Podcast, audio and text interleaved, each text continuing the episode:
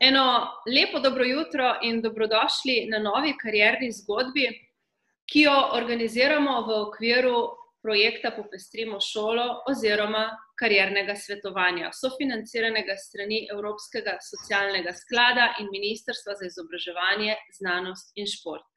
Danes je z nami izredno zanimiv gost, uh, sicer po uh, osnovni izobrazbi uh, strojnih sicer pa tudi učitelj praktičnega pouka na šolskem centru Nova Gorica in tudi kovač. Max Šuc, dobrodošel z nami, Max. Pozdravljeni. Hvala, ker si si vzel čas, da poklepetaš z nami. Verjetno smo te ulovili ravno med kakšnim zoomom, saj imaš verjetno kar veliko dela z izobraževanjem nadaljavo. Kako ga doživljaš, Max? To so posebni izzivi za pedagoge. Eh, ja, res je, sploh za pedagoge, začetnike. Jaz sem namreč učitelj postal z letošnjim šolskim letom, se pravi od 1. septembra. Eh, in potem je sledil pouk z dijaki v živo, kar je v mojem primeru, ker učim praktični pouk, precej koristno. Zdaj, nadaljavo si pa, ne vem, naj si vsak po svoje predstavlja, ampak to je bolj težko. Da si predstavlja tako, da trenutna situacija je tudi za me precej um, naporna, saj poskušamo najti neke nove načine, kako dijakom približati neko praktično znanje, ampak vsi vemo, da če uh, dijak tega ne poskuša v naših delavnicah, je to zelo tako utopično. Če te lahko vprašam, tudi v povezavi s tem, Max, če pogledamo malce futuristično, ne? če recimo omenil si, da je težko približati uh, stvari, ki se jih sicer praktično izvaja v delavnicah, uh, preko verjetno nekih videov ali pa kakšnih simulacij ali kaj podobnega. Ne? Kako gledaš torej? Dolgoročno gledano, seveda, na razvoj teh veščin, se bo tukaj verjetno pokazal en manjko. Ja, vsekakor, tle mislim, da bo nastala ena zelo velika uh, luknja v znanju. Um, kaj ti predvsem dijaki poklicnih šol um, bazirajo na znanju iz uh, same prakse no? in mislim, da tam bo ta manjko uh, najopaznejši. Um, Dijakom se poskušamo približati, ja, tako kot si tudi ti uh, omenila, z uporabo kišnih videov, tako da, si, da vse vidijo kako to, to zgleda, ampak kot se reče, če nekdo nek, mislim, tega, um, nekaj ne proba, ne prime v roke orodja, proba na samem stroju nekaj izdelati, je to zelo, zelo eh, tako, težko. Tudi za dijake. No. Maksim, če se zdaj uh, malce lotiva prakse, ki si jo ti v svojem življenju do zdaj že izvedel, in če postiva mogoče za trenutek vnemar torej tvoje kovaško delo, tvoje obrtniško delo in se premakneva nekoliko nazaj v tvoje otroštvo, kaj si sam sanjal v smislu poklica, stroke, ko si bil otrok, kaj si si želel? Uh, želel sem si biti arheolog. Zanimivo. Kako, to, kako je prišlo do te želje? Si imel kakšne, recimo, v družini arheologe ali čisto neka taka žilica? Kako se je porodila? Eh, ne spomnim se prav dobro, ampak vem, da kot otrok sem teh knjig prebiral še in še in se mi je zdelo zelo zanimivo, no, te piramide in vso to, ta uh, okostja dinozaurov in tako dalje. To govorim, ne vem, mogoče sem bil to drugi, tretji, četrti razred osnovne šole. No. To je bil prav taka prva stvar, ki me je pritegnila kot nek poklic, ne. tako da precej daleč no, od strojništva. Zanimivo, pa kaj so bile recimo tiste lastnosti ali pa delovne naloge, ki so bile tebi pri arheologu a, posebno zanimive? Odkrivanje novega, neznanega, morda v tej smeri je šlo to? Uh, mislim, da ja. Uh, in predvsem neka taka natančnost, recimo pri izkopavanju. Um, Uh, predvsem pa, no, ko si rekel, odkrivanje novega, verjetno me je to nekako podzavestno, no, se takrat nisem točno vedel, kaj bi prav iz tega bilo za potegant, ampak verjetno je jih neka ta želja. Ja. In uh, odkot je potem nastala ta želja, torej po strojništvu, kje se je potem razvilo to uh, do te mere, da si se odločil tudi za študij strojništva? Uh, mislim, da to je izhajalo predvsem iz hobijev. Um, zdaj se premik, premikamo na tisti um, višji del osnovne šole, se pravi za, med tisti zadnji uh, razredi. Uh, tako kot velika večina mojih uh, sošolcev, sem se ukvarjal s popravilom raznih um, koles, potem raznih mopedov in tako. To smo takrat počeli. No, in ta um, te veščine, oziroma ta, te stvari so me no, zelo pritegnile. Uh, in mogoče se je iz tega, no, iz, zelo rad sem preživljal čas v svoji delavnici, takrat sem imel eno, na vrtu eno tako barako, v kateri sem imel vse orodje in sem potem to tam uh, popravljal. Um, in verjetno se je ravno iz tega potem nekako razvila ta ideja o strojništvu, ki se je potem tudi uspešno nadaljevala. -huh. Torej, si izhaja, od tvoje želje je izhajala pravzaprav iz prakse. Torej, najprej so bila kolesa in popravljanje v tej baraki, kot jo imenuješ. Ne? In, um, Max, kaj, je, kaj je tista stvar, ki te najbolj navdušuje pri strojništvu? Hmm. Ne vem točno. To je neka taka strast, bi rekel. Um, Predvsem je všeč pri vseh no, naravoslovnih predmetih, da so zelo, um, kako bi rekel, zelo um, eksaktni. Ne? Se pravi, ni ali je neka stvar prav ali je narobe. Ne? In podobno v strojništvu. Jaz mogoče imam rad ta red oziroma to organiziranost, um, ki je v strojništvu še posebej tako izrazita. No? Uh, Max, odločil si se, da se boš uh, pomeril tudi v pedagoškem poklicu, torej kot strojnik pedagoga, torej izkušnjo imaš tudi že iz gospodarstva. In kaj te do tega privedlo? Pravijo, da ta tradicionalna, um, tradicionalna rek je, da stvari najbolje razumeš takrat, ko jih sam razlagaš. Ne? Se tudi tebi to dogaja? Torej, kako je prišlo do tega preskoka z področja torej dela v industriji, do želje, da bi tudi poučeval? No, šolanje sem jaz po osnovni šoli nadaljeval tukaj na takrat še tehničnem šolskem centru, na tehnični gimnaziji, um, kjer, v bistvu, kjer sem se še bolj približal nekemu prav dejanskemu strojništvu. Uh, ker me je stvar zanimala, sem bil lahko rečem, tako kar uspešen. No? Uh, in že takrat sem recimo, rad pomagal sošolcem pri kakšnih nalogah, in s tem sem v bistvu ugotovil, da uh, tudi sam potem tisto snov dosti bolje razumem, ne, če jo sam razložim. Um, do samega poklica sem pa prišel um, tako zelo slučajno, no, oziroma um, letos poleti, me je kontaktirala uh, profesorica Pirc, ki uči fiziko na našem centru, in mi je povedala, da se odpira novo, novo delovno mesto. No.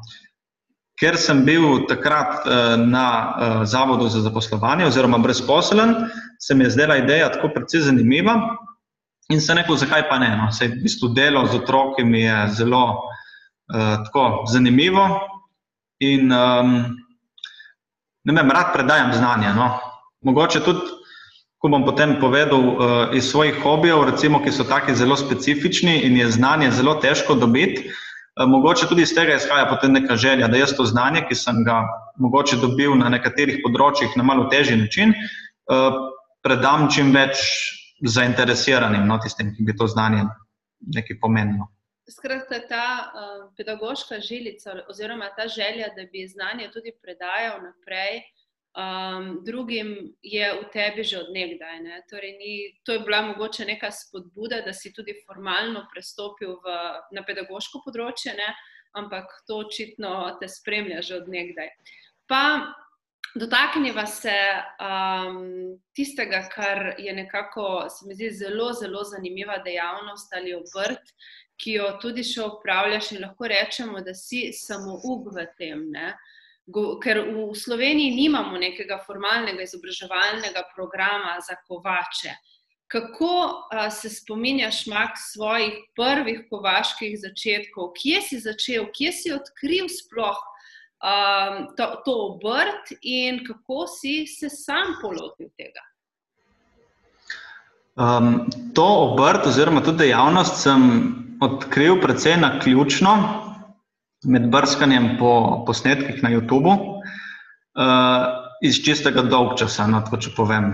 Uh, jaz sem uh, eno leto uh, pred začetkom študija pauziral, uh, delal sem kot študent in imel sem precej prostega časa, in nekako sem. Eh, med tem časom prišel tudi na to, na to obrt, ki me je v bistvu takoj pritegnila. Eh, prej nisem nikoli niti pomislil, da bi se ukvarjal s čim takim, eh, tako da je bilo res tako zelo spontano, no, je prišlo res samo k meni. Mhm. In kako se je zadeva nadaljevala, v smislu, da si, si sam želel tudi izuriti v tej obrti? Kje je bil tisti preskok? Torej, ker začeti s kovaštvom ni tako enostavno. V prvi vrsti potrebuješ nek prostor, potrebuješ neko specifično orodje. Glede na to, da v tvoji družini ni bilo nekih precedencev, da bi imel nekega detka, očeta ali kaj podobnega, ki bi bil kovač, ne? kako si se tega polotil, čisto praktično? Um, mislim, da ta preskok se je zgodil iz tega, da sem bil nekako naveličen sedeti na stolu pred računalnikom in sem, in sem rekel, da je proba to. Ne? Dovolj je gledanja, ampak s to gledanje me je tako obsedlo, no, in sem rekel, zdaj pa dovolj, zdaj bi rad pa tudi probal. No. Ko se je rekla, ja, zato je potreben prostor, jaz doma primernega prostora nimam, se živimo v precej strnenem naselju. Um, začel sem nabirati orodje v upanju, da bom potem dobil tudi nek prostor. Um, svoje prvo nakovalo sem dobil um, v bistvu v uh, rojstni vasi uh, moje none, to v Bizjaku, na Prekalu nad kanalom. Um, tam sem dobil tudi peč iz Prve svetovne vojne, tako še na nožni pogon. In sem se tega začel kar doma na vrtu ukvarjati, seveda, dokler ni mama, uh, mislim, prišla domov in to videla, in potem se je ta stvar hitro zaključila. No? Uh, tako da potem se je nadaljevalo iskanje prostora. Ne? Ko sem rekel, da doma nimamo prostora, tako da sem o, tem, o tej svoji nameri obvestil svoje prijatelje in znance. In dobil sem potem prostor v najem na bivšem ABK-ju v Šempetru. Sem tudi sam iz Šempetra, tako da sem imel uh, precej blizu tudi sam prostor. No. Mhm. Katere so pa tiste osnovne stvari, ki si jih potreboval? Torej, omenil si peč, omenil si nakovalo, kladivo, gotovo. Ne? Še kaj drugega je, recimo, ena tako esencialna sestavina kovaškega dela? Ne, potrebujemo se, spravi, kot si rekli, nakovalo, kladivo, mogoče klešče, zadržati nek razbeljen kos jekla, um, primeren prostor, seveda. In, um, to je res protisto specifično orodje, na katerega pomisli vsak, komu omenim besedo kovač. Ne, seveda pa tukaj zraven pride še ogromno nekaj drugega orodja, kar se, mislim, kar se tiče samega kovinarstva, tu so razne žage, pile, vrtalni stroj. Eh, in svedri, primeš in tako dalje. No, v bistvu dosti stvari, kar bi našli tudi v naših kovinarskih delavnicah. Uh, Max, povej mi, kakšno je pa popraševanje po tovrstnih izdelkih na slovenskem trgu? Ne? Torej, nekaj te tradicije posamezniki verjetno v Sloveniji še uh, ohranjajo. Ne? Omenili smo, da nimamo nekega formalnega izobraževanja, ki bi mlajše generacije urile ali pa usposabljali za to vrstno delo. Ampak kakšno je pravzaprav a, popraševanje na slovenskem trgu? Mislim, da popraševanje je vse večje. Ljudje so se navadili, um, ne navadili, ljudje so se um, naveličali teh poceni um, v, nek, v narekovajih štancanih izdelkov, ki jih dobimo v raznih železninah in, ali pa kupimo in so potem recimo vse ograje neke tipske. Eh, res, da je pač ta stvar bolj poceni, ampak ljudje si želijo danes um, predvsej unikatne stvari, katerih mogoče se tudi ne da kupiti. No, in popraševanje, mislim, da se uh, na tem področju počasi povečuje. Ljudje so pripravljeni plačati tudi kaj več za nek unikaten izdelek, ki vejo, recimo, tudi kdo ga je izdelal in da za to porabil kar nekaj ur in truda, tako da smo prišli potem do tega. Ne. Max, če bi lahko uh, nekako izpostavil dva izdelka, ki sta najbolj iskana, ali pa kjer je popraševanje največje, kaj bi rekel, so to, ne vem, ograje? Mislim, da ja, ograje so danes, mislim, dosti kovačev je, ki se ukvarja izključno s tem. Uh -huh, uh -huh. Samo, se pravi, kovane, ograje, kakšna dvoriščna vrata in podobno. Ne. Sicer to je zelo specializirano, jaz se konkretno s tem ne ukvarjam, ker za to rabiš tudi neka specializirana urodja, ni tudi vsako kovaštvo uh, enako, potrebuješ večji prostor za neke dolge ograje sestavljati in tako dalje. Ne, pravi, mislim, da ograje so tako med najbolj iskanimi. In tako je za njimi so kakšni okrasni izdelki, vem, od uh, raznih priborov za kamine um, in tako dalje, do Eh, rezilnih pripomočkov oziroma raznih nožev, eh, s katerimi se tudi jaz zelo rad ukvarjam. Mhm, mhm. Super. Um, Max, če te lahko vprašam, oziroma če mi boš um, znal nekoliko odgovoriti, če toliko poznaš situacijo, ampak sklepam, da ja. Ali se ti zdi, uh, da je v Sloveniji še veliko aktivnih kovačev, je s tem morda bolje v tujini, kako je, kakšna je situacija. In omenil si torej, da popraševanje pravzaprav je. Bi se ti zdelo morda zanimivo, če nadaljujemo vprašanje tudi v neki bližnji prihodnosti ali smiselno zastaviti nek program kovaštva morda za uh, po, poučevanje bodočih uh, kovačev? Kot si rekla, pri nas formalnega izobra, izobraževanja ni več, Eh, tudi v, če bi šli gledati to, um, kako se že nacionalna, um, to, ta spisek poklicev, no, um, med njimi kovača ne najdemo. Ne. Najbližji poklic je oblikovalec kovin, kar pa ni niti približno uh, enako kovaštvu. Ne. Oblikovalce kovin imamo tudi na naši šoli, ampak oni se ne ukvarjajo s kovaštvom. Um, Če gledamo v tujini, je to dosti bolj, um, uh, dosti bolj aktivno. Recimo, če gremo že v sosednjo Italijo ali pa Avstrijo, na Češkem, v Nemčiji, so te um, um, kovaštvo, no samo kovaštvo je dosti bolj razvito, tudi kar se tiče formalnega izobraževanja. Se pravi, imamo šole. Uh, mislim, da v Avstriji je tako, da recimo v enem letniku izobraževanja za kovače imajo recimo pol leta pra, um, teoretičnega dela, potem pa imajo pol leta praktičnega. Ne? Tako da vidimo, da je tle poudarek uh, zelo, zelo velik. Pri nas pa tega žal ni. Katere so pa tiste ključne veščine, znanja, kompetence, ki jih pravzaprav kovač mora imeti, ali je smiselno, da jih dobro razvije? Uh, Tle bi rekel, odvisno, v katero vejo kovaštva se usmerimo. Zdaj, ali se usmerimo bolj v uh, neko rodno kovaštvo ali bolj v um, to umetnostno kovaštvo, se pravi, uh, okrasni izdelki. Vse mora biti skupna, um, prvo, kot prvo, dobra pred, prostorska predstava. Ko se predstavljamo, ne, oziroma kot tudi naš um, pregovor pravi, ko je železo, dokler je vroče, uh, je to res. Ne, ko mi enkrat vzamemo nek kos iz uh, peči, moramo že vedeti, kaj bo iz tega nastalo. Ne? Ker če bomo tam čakali in si probali nekaj predstavljati, se nam bo ohladilo. Ne? Se pravi, kovač mora imeti predstavo, kaj bo nastalo, že preden se začne, ne? se pravi, preden začne z delom. To mislim, da je ena taka zelo, zelo pomembna um, značilnost. Uh, Potem, ko sem rekel, umetnostni kovač, se pravi, mora imeti tudi malo umetniške žilce za oblikovanje, za dizajn. Uh, vsem je pa skupno zelo dobro poznavanje materijalov, se pravi, neko kovinarsko znanje, um, znanje materijala, s katerim v bistvu operirajo. To je mogoče malo, še malo bolj izrazito na področju uh, orodjarskega kovaštva oziroma orodnega kovaštva, ampak mislim, da je to obem. Um, obem smerem tako zelo, zelo um, skupno. Uh, kam se pa ti bolj uvrščaš? Torej, kaj je tisto, kar um, ti največ uh, kuješ? Torej, govorimo o orodju ali govorimo o okrasnih izdelkih?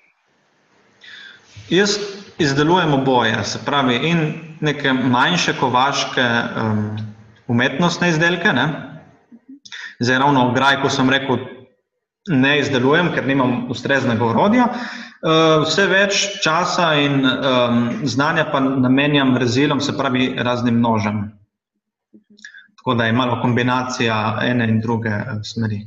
Tudi danes mogoče popraševanja za to, da bi se ti usmeril strogo v eno smer, je premalo, razen če izuzamemo ograje. Ne? V preteklosti je bilo to dosti bolj uh, ločeno, je bil umetnostni kovač, rodni kovač in potem so imeli tudi podkovske kovače, ki so skrbeli za, za podkovanje živine. Uh -huh, uh Max, uh, če sem te prav razumela, torej uh, doma ni bilo prostora, zdaj si še vedno um, v teh prostorih, v Šempetru, torej, ki jih imaš v najemu, še vedno je tam tvoja delavnica, tam te lahko najdemo? Uh, ne, letos sem se pa preselil v Vrtoče, tam pri Renčah. Uh, Um, zato, ker so to stavbo v bistvu eh, lastniki prodali in potem sem iskal nadomesten prostor, tako da sem ga dobil sicer malo dlje, ampak um, še vedno tako zelo ustrezen za moje potrebe. Tudi na tem področju že vzgajaš uh, in poučuješ bodoče uh, kovače? Uh, tudi, tudi imel sem dosti prijateljev, ki je prišlo tako ko so v bistvu opazili, da sem se začel ukvarjati s tem, jih je začelo zanimati. Nekaj mogoče človek, dokler enkrat tega ne vidi oziroma sliši, zato mogoče niti ne ve, da obstaja. Ne? Potem pa, ko se je to malček razvedlo, no, so začeli tudi prijatelji, no, da mi pokažeš to, uno bi lahko prišel probat in z veseljem pokažem. Ne? Ampak, Max, obrtniško delo oziroma kovaštvo ni edina, bomo rekli, tako zanimiva stvar o tebi. Vem, da te zanimajo tudi starodobniki, glasba. Nam poveš še kakšno besedo o tem, Max? Um, ja, najprej glasba. Mogoče z glasbo sem se v preteklosti resneje ukvarjal kot danes, ker danes preprosto nimam dovolj časa. Um, Igral sem trobento, 15 let, od tega mislim, da je bilo kar 10 let v pihalnem orkestru. In potem sem, ko sem rekel, zaradi prenasičenosti oziroma premalo časa, sem, sem mogel sem si izbrati prioritete no? in pač to je žal um, zamrlo. Uh, tako da Zdaj, s tem se ne ukvarjam več. Uh, ja, druga stran so tudi starodobniki. Ja, mogoče to izhaja tudi iz, uh, iz osnovne šole, oziroma iz te želje po nekem strojništvu. In mogoče so, sem tudi prek starodobnikov prišel na ta uh, poklic. Ta stara vozila in um, avtomobili in motori tako v bistvu dopuščajo še dosti. Uh, Po pravilih, ki jih lahko sam izvedeš. Ne. Tudi s tem se rad zamotim, tako da to je še ena taka um, dejavnost. Uh, še en poklic, s katerim se pa tudi ukvarjam, mogoče ti nisem povedal, je pa urarstvo. To je tudi tako ena taka zanimiva uh, smer, tako mikrostrojništvo, uh, s katerim se ukvarjam zdaj že ne sedem let. Sedem let ja. V kakšnem smislu pa tudi izdeluješ ure, uh, saniraš ure, kakšen, ali vse skupaj? Ne izdelujem jih, ne, ker tudi to, tako kot vsaka stvar, zahteva določeno urodje in uh, znanje, predvsem. Uh, trenutno se ukvarjam samo s popravili, ne, se pravi, uh, nek mehanizem razstavim, očistim, naolim, sestavim tako. Um, podobno, kot recimo uh, nek starodoben avto ali pa motor, ampak to je precej manjše, no? zahteva spet drugačno. Uh, če sklenem, Max, tudi na področju glasbe, ki je tako zelo umetniška um, zadeva, smer in ki se ne, na nek način oddaljuje od strojništva, ampak tudi ne, uh, si izbral tak zelo kovinski inštrument, ne? torej trobento, nekaj lesenega, kovinskega. Tako da te res uh, strojništvo na splošno z, z kovinami ured zelo, zelo uh, privlači. ja, to je bila taka slučajna odločitev. Ne? Tako kot vsi, um, oziroma tako kot velika večina um, kandidatov, ki so se prišli upisati v glasbeno šolo, jih je recimo pol želelo igrati bobne, pol pa kitaro. Ne? Od te velike večine. Tudi sam sem bil med njimi, ok, bobni so takoj uh, odpadli. Ne? Potem je bila kitara, na kitaro bi mogel čakati upis dve, tri leta, približno, če se prav spomnim. Um, in potem smo rekli, ja, provam pa trobento. No. Iz čistega, ne vem, slučaja sem rekel, ok, provam to in potem se tudi to razvilo. No. Se pa bolj. Bobni so odpadli zato, ker je mama rekla ne. Ker... Tudi ja. Najprej bobni, potem pa peč za, za jeklo na, na vrtu. Ne? Tako je, ja. tudi razbijanje, no. pa drugi način. Max, hvala ti za ta uh, za res zelo, zelo prijeten um, pogovor. Mogoče, Max, za konec še ena taka poslanica za mlade, predvsem tiste, ki so morda uh, v tem času tudi imamo težave z motivacijo, bodimo iskreni, ne, ta izolacija, um, to, da nimamo socialnih stikov, da nimamo ne na zadnje tudi interakcije uh, z učitelji in tako dalje, so vrstniki. Povzročajo težave pri motivaciji. Mogoče ena taka misel, poslanica, in tudi za tiste, ki se bodo kmali morali odločati za svoje poklice, za svoje smeri. Nekaj, kar je mogoče tudi tebe vodilo v življenju pri pomembnih odločitvah. Predvsem mislim, da je pomembno, da moraš izhajati iz sebe, ne iz drugih. Tudi sam sem bil deležen raznih uh, nasvetov, pa moraš iti tja, pa moraš delati to, uno, drugo, tretje. Uh, izhajaj iz sebe, se pravi iz svojih uh, hobijev, iz svojega lastnega veselja. Uh, probej veliko različnih stvari in tako boš v bistvu ugotovil, kaj te pritegne. Ne bo mogoče vsaka stvar, ampak nekaj bo sigurno v tem. Hvala, Max. Uh, mislim, da je to res uh, odličen zaključek najnega pogovora. Jaz se ti še enkrat lepo zahvaljujem za tvoj čas, uh, zelo prijetno energijo in da si z nami podelil vse številne interese, in zanimive, ne moramo reči niti hobi, ampak so to res dejavnosti, že tvoje, del, tvoje pokli, tvoji poklici, tako rekoč. In nam še enkrat dokazal, da se da različne stvari tudi kombinirati v življenju. In zanimivo, da smo našli stične točke tudi med glasbo, uh, urarstvom, uh, vsemi temi aktivnostmi, ki jih imaš, torej da lahko tudi kot strojnik združuješ tudi tiste malo bolj mehke plati, torej, um, recimo kot je glasba.